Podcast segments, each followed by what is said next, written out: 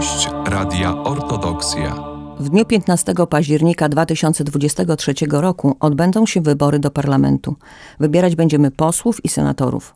Po raz pierwszy środowisko prawosławne będzie reprezentowane tak licznie i to z wielu list wyborczych. Postanowiliśmy porozmawiać z niektórymi kandydatami startującymi w tych wyborach.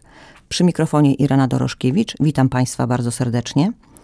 A na pytania odpowiadać dziś będzie startująca z listy wyborczej Prawa i Sprawiedliwości Lucja Niemirowicz. Dzień dobry. Dzień dobry.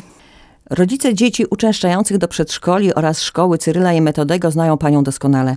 Proszę jednak pozostałym naszym słuchaczom opowiedzieć coś o sobie. Jestem z zawodu nauczycielem, jestem żoną, matką, mam dwoje dorosłych dzieci.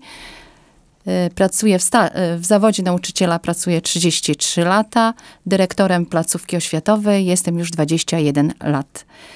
Jestem społecznicą, działam e, dla dobra społeczności prawosławnej. Jestem wolontariuszką. Cóż można jeszcze o sobie powiedzieć? Znają mnie wszyscy jako Lusia Nimirowicz.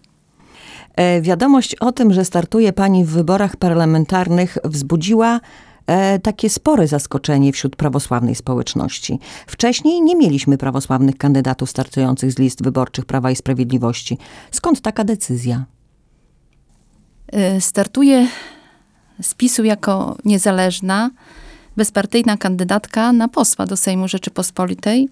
Otrzymałam propozycję startu z pozycji y, numer 8 na liście wyborczej PiS i wiem, że wśród społeczności prawosławnej są tacy, którzy popierają politykę Prawa Sprawiedliwości i będą głosować na Prawo Sprawiedliwość. W tegorocznej kampanii startuje nas bardzo wiele kandydatów. Jest, startują z list e, Koalicji Obywatelskiej, Trzecia Droga. Zastanawiałam się, dlaczego startuję z listy PiS i na to, na to swoje zastanowienie mam odpowiedź, gdyż chcę działać na rzecz dialogu, likwidacji stereotypów panującym w naszym środowisku. Ważne jest to też, że ugrupowanie polityczne PiS propaguje wartości chrześcijańskie, które odgrywają zasadniczą rolę w wychowaniu, kształtowaniu osobowości człowieka. Miłość do Boga, miłość do bliźniego, dobro, piękna, rodzina. I te wartości mają charakter uniwersalny. Startuje też, gdyż polityka prospołeczna Prawa i Sprawiedliwości jest spójna z wartościami chrześcijańskimi. I chyba y, to tak najważniejszy mój cel. No właśnie, kiedy czytamy program wyborczy PiS, to chyba można powiedzieć, że najbardziej chrześcijański program na, obec na obecnej scenie politycznej.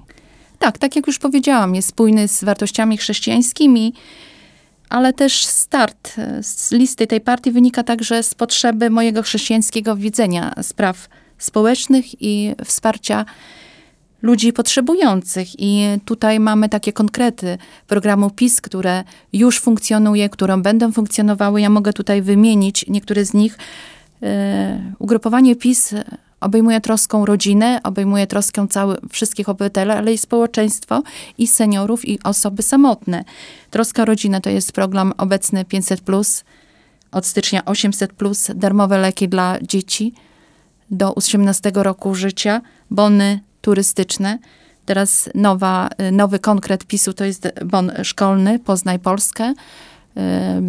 Rząd będzie dopłacał do dwudniowych wycieczek edukacyjnych, gdzie młodzież będzie mogła poznać kulturę regionu, kulturę i tradycje naszego regionu, ale nie tylko, i ojczyznę, Polskę. Lokalna półka. Bardzo mi się podoba ten program, gdyż markety będą mogły zaopatrywać się u lokalnych, u lokalnych dostawców. Nawet chyba będą musiały, prawda? Musiały tak, lokalnych dostawców e, pieczywa, owoców, warzyw, mięsa, no to jest chyba bardzo ważne, że żywność będzie świeża, zdrowa, a przede wszystkim polepszy sytuację gospodarczą rolnictwa. Przyjazne osiedle, to też jest bardzo fajny punkt programu e, Prawa i Sprawiedliwości że w takich mieszkaniach wielkoblokowych, które są z płyty, mieszkają przeważnie osoby starsze i tutaj proponuje się termomodernizację tych budynków, naprawę placu zabaw, rewalityzację boisk i y, parkingów. I kolejnym takim jest PiS troszczy się też o seniorów. To wiadomo, wypłacana 13, 14 emerytura oraz darmowe leki od 65 roku życia. E, proszę powiedzieć, czy to jest ważne, żeby prawosławna społeczność miała swojego przedstawiciela w Sejmie?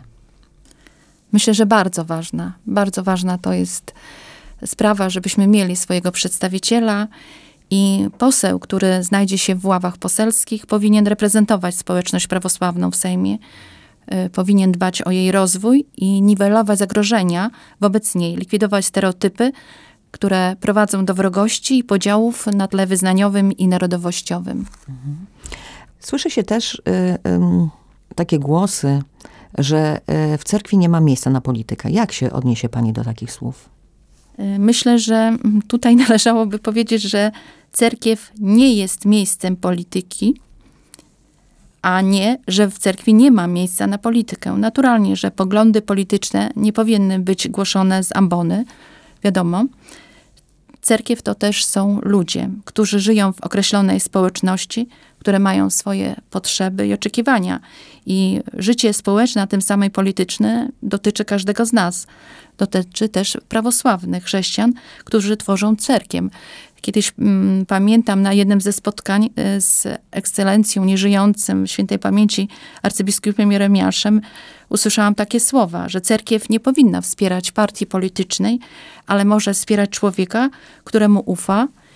Ten człowiek działa w imieniu społeczności i z której się wywodzi. Te słowa te bardzo mocno zapadły mi y, w pamięci. Czasami tak jest, że y, do tego, aby wejść do parlamentu, brakuje kilku głosów, tak? Bo ludzie uważają, a nie pójdę, bo co mi tam, mój głos i tak się nie liczy. No proszę powiedzieć, czy ten udział w wyborach parlamentarnych jest ważny? Ja uważam, jest bardzo ważny, gdyż my decydujemy o przyszłości naszego kraju, o przyszłości y, młodych ludzi, także decydujemy o naszym codziennym życiu. Co dalej będzie i jak będzie funkcjonowało nasze państwo, jak będzie funkcjonował region i jak będzie funkcjonowała cerkiew prawosławna w Polsce. E, Mówi się też, że prawosławna społeczność e, w Rzeczpospolitej jest na tyle niewielka, a tutaj na Podlasiu, no co prawda jest, jesteśmy jakby e, bardziej wyodrębnieni, tak? Większ, większość mamy tutaj w, na Podlasiu, ale i tak jest jeszcze na tyle niewielka, że powinna mieć jednego kandydata w wyborach parlamentarnych, ponieważ większa liczba kandydatów może spowodować rozbicie głosów i w konsekwencji może się zdarzyć tak, że nikt nie wejdzie do Sejmu. Jak naliczyłam na listach, y, na listach wyborczych jest około sześciu mi znanych osób prawosławnych. Uważam, że y, powinniśmy wszyscy startować i powinniśmy wszyscy wygrywać. Zgodnie z danymi Głównego Urzędu Statystycznego na koniec roku 2020 było nas około 600 tysięcy, czyli nas wiernych Kościoła Prawosławnego. Większość wyznawców prawosławia zamieszkuje województwo podlaskie. Jeśli wszyscy prawosławni, którzy są uprawnieni do głosowania, poszliby do urn, wówczas są realne szanse, że w ławach sejmowych zasiądą prawosławni kandydaci wszyscy. Tego życzę sobie i moim kolegom, a Państwa zachęcam do udziału w wyborach i głosowaniu na naszych, głosowania na naszych kandydatów. Czyli ważne są e, głosowanie, występ, e, w, w udział w wyborach, jak e, e, z tego prawa należy korzystać i wręcz zachęcamy wszystkich Państwa do takiego postępowania. Czy doświadczenie pani jako wieloletniej dyrektor e, e, przedszkola z białoruskim językiem, e, a teraz prawosławnego przedszkola, można w jakiś sposób przenieść do ławy sejmowej? No nie, oczywiście nie takie, że odnoszenie się do kolegów posłów, tak jak do dzieci w przedszkolu, ale czy te doświadczenie z zarządzania, czy jakieś inne ma pani pomysły do tego, żeby do tej ławy sejmowej przenieść? Dyrektorem jestem 21 lat, nauczycielem 33 lata i uważam, że praca z dziećmi daje mi ogromną radość, ale przede wszystkim od dzieci można wiele się nauczyć. Nauczyć się prawdomówności, radości, miłości i spokoju. Dyrektorem placówki, yy, tak jak powiedziałam, jestem 21 lat i zarządzania wymaga kompetencji interpersonalnych i merytorycznych, a takie uważam, że posiadam. Potrafię kierować zespołem, moje działania jako dyrektora są transparentne i jednoznaczne. Jestem elastyczna w podejmowaniu decyzji, tolerancyjna, empatyczna i uważam, że te cechy jako lidera zespołu wykorzystam w Sejmie. E, W związku z tym, że znajdujemy się w prawosławnym Radiu Ortodoksja, chciałabym zapytać pani o, o pani opinię na takie tematy jak aborcja, małżeństwa jednopłciowe, czy też eutanazja. E, Wiem, że, znaczy wiemy, wszyscy powszechnie e, się wie, że w niektórych krajach, nawet e, Europy, są one zalegalizowane. Co pani na to? Jestem, ja reprezentuję stanowisko Cerkwi Prawosławnej, jestem jej członkiem i zgodnie z Pismem Świętym nauczanie ojców cerkwi, związki jednopłciowe naruszają pojęcie małżeństwa, czyli związku kobieta i mężczyzna. Jeśli chodzi o eutanazję, podobnie opierając się na tekstach Pisma Świętego i nauczania ojców, chrześcijaństwo sprzeciwia się eutanazji, czyli praktyce odbierania życia. Jest to naruszenie woli Bożej. Jeśli chodzi o aborcję, to cerkiew za początek byta, bytu nowej istoty uważa za płonioną komórkę jajową, embrion i cerkiew potępia działania prowadzące do poronienia embrionu zarówno metodami farmakologicznymi, jak i mechanicznymi.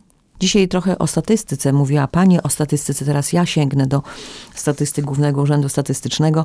E, niestety akurat nie jest takie e, optymistyczne, jak mówiła też mówiła Pani. No według tego, tych statystyk nasze województwo się wyludnia. W spadek liczby ludności w stosunku do wyniku Narodowego Spisu Powszechnego z 2011 roku, czyli w zasadzie 10 lat, e, miał miejsce aż w 106 gminach województwa podlaskiego. A największe odnotowano w gminach takich e, Podlasia jak Dubicze Cerkiewne, Czyże, Nowy Dwór, Kleszczele. E, proszę sobie wyobrazić, że na 10 gmin o największym spadku liczby ludności w tym czasie sześć jest właśnie z Podlasia. Czy, kiedy zostanie Pani posłem, chciałaby Pani coś w tym kierunku e, robić? Pochodzę ze wsi. Obecnie mam dom rodzinny na wsi. Często przebywam na wsi i uważam, że nasza wieś wymaga ogromnej reformy, ale to nie będzie jednorazowa reforma, jest to proces, który trzeba przeprowadzić i Polska wieś, w szczególności tereny nasze wiejskie Polski Wschodniej, potrzebują reform, które przyspieszą proces zmniejszania się dystansu między innymi na płaszczyźnie gospodarczej wobec miast. Niska dynamika rozwoju, stagnacja, a wręcz regres gospodarczy przegadały się na potrzebę poszukiwania nowych rozwiązań, które poprawiłyby sytuację w regionie i ograniczyłyby dysproporcje względem pozostałych części kraju.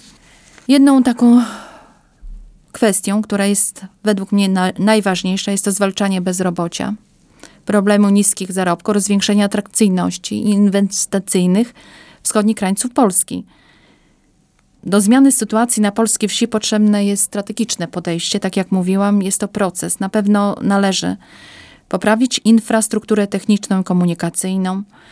Region nasz charakteryzuje się bowiem niską gęstością dróg oraz linii kolejowych stworzyć system wspierania małych gospodarstw rolnych, stworzyć plany zagospodarowania przestrzennego po to, by przekonać klienta, że to właśnie tutaj powinien zamieszkać i prowadzić swój biznes, uzbroić tereny budowlane wodociągi i kanalizację, wprowadzić szybki, szerokopasmowy internet do prowadzenia e-biznesu, wzbogacić też ofertę edukacyjnej gminy na poziomie przedszkolnym i szkolnym.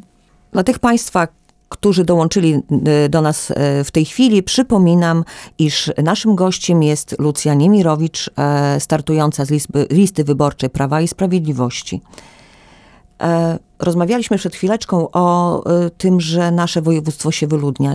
Jest to też związane z starzeniem się też naszych wsi, tak? Dlatego, że y, znowu podobne kwestie, które e, e, opisuje e, GUS, wskazuje na to, że najbardziej, najwięcej osób w wieku 65 lat i więcej zamieszkuje gminy Dubicze Cerkiewne i Orla.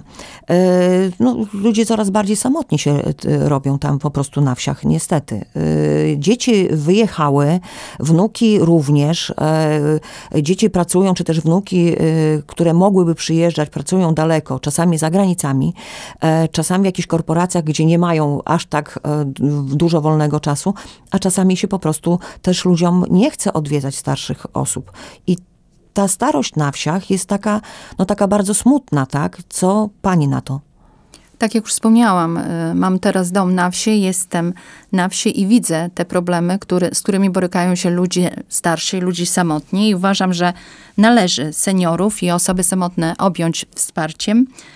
I to wsparcie powinno mieć charakter taki środowiskowy i kluczowy, powinno być one udzielane w miejscu zamieszkania osób starszych, gdyż starych drzew się nie przesadza, jak głosi powiedzenie. W gminach, y, w których zamieszkują osoby starsze, samotne, seniorzy, powinny być prowadzone działania aktywizujące seniorów, takie jak zajęcia kulturalne, sportowe, artystyczne, zajęcia poprawiające zdolności psychofizyczne.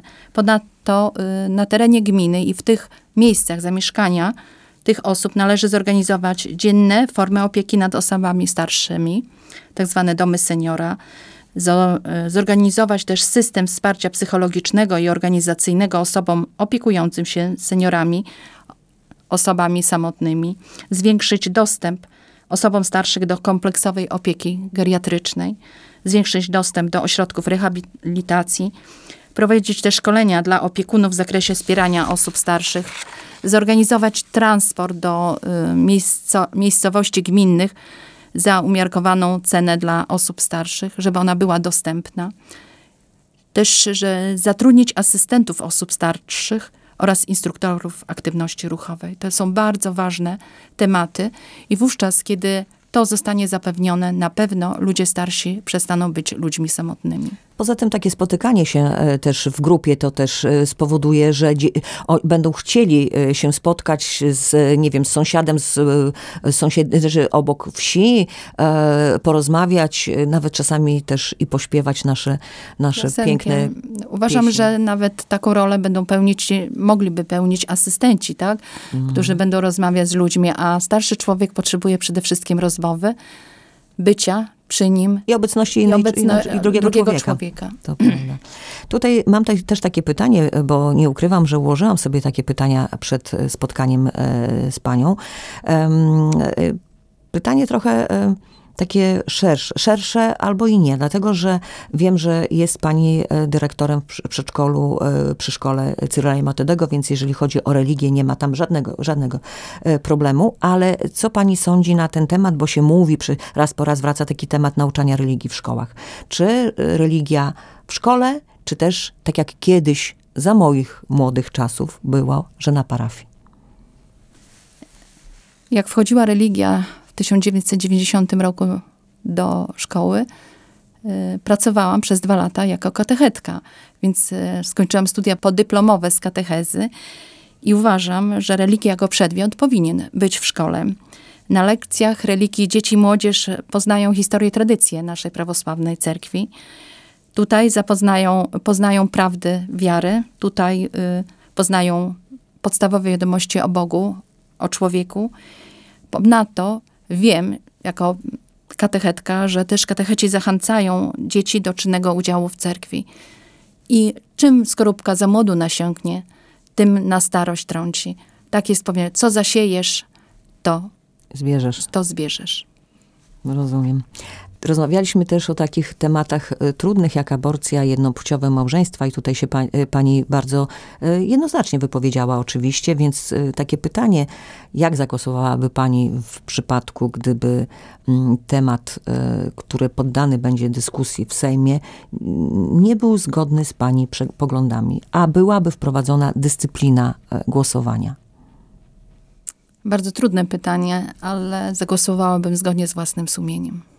No właśnie, też tak, też Jestem tak, też tak myślałam. chrześcijanką. Ale chciałam zadać to pytanie, żeby wybrzmiało i w zasadzie wybrzmiała odpowiedź e, pani.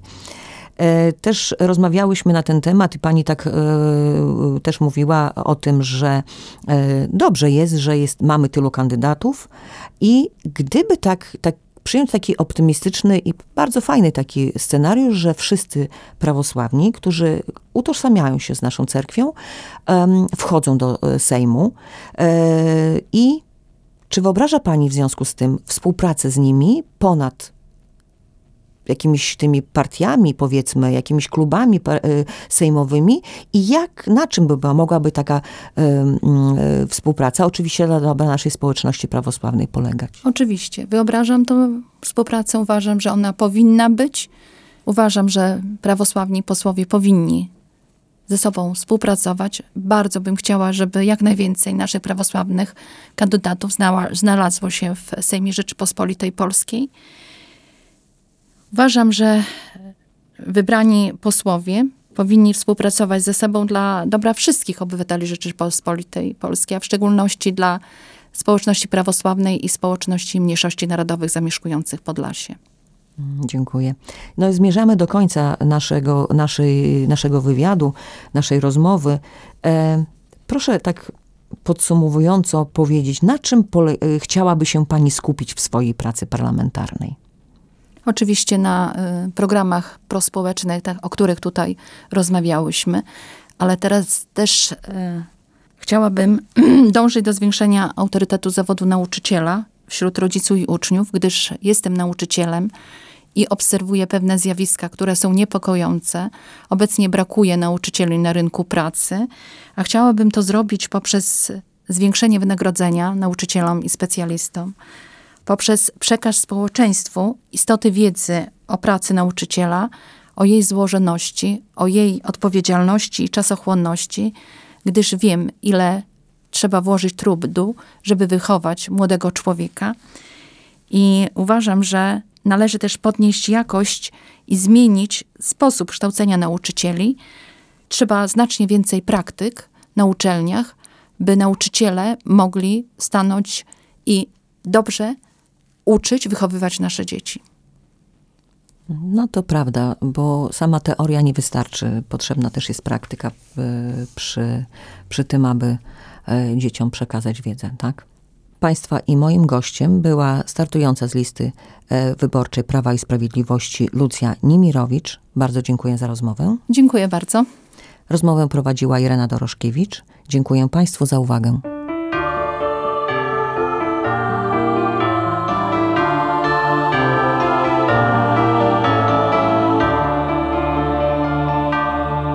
Gość Radia Ortodoksja.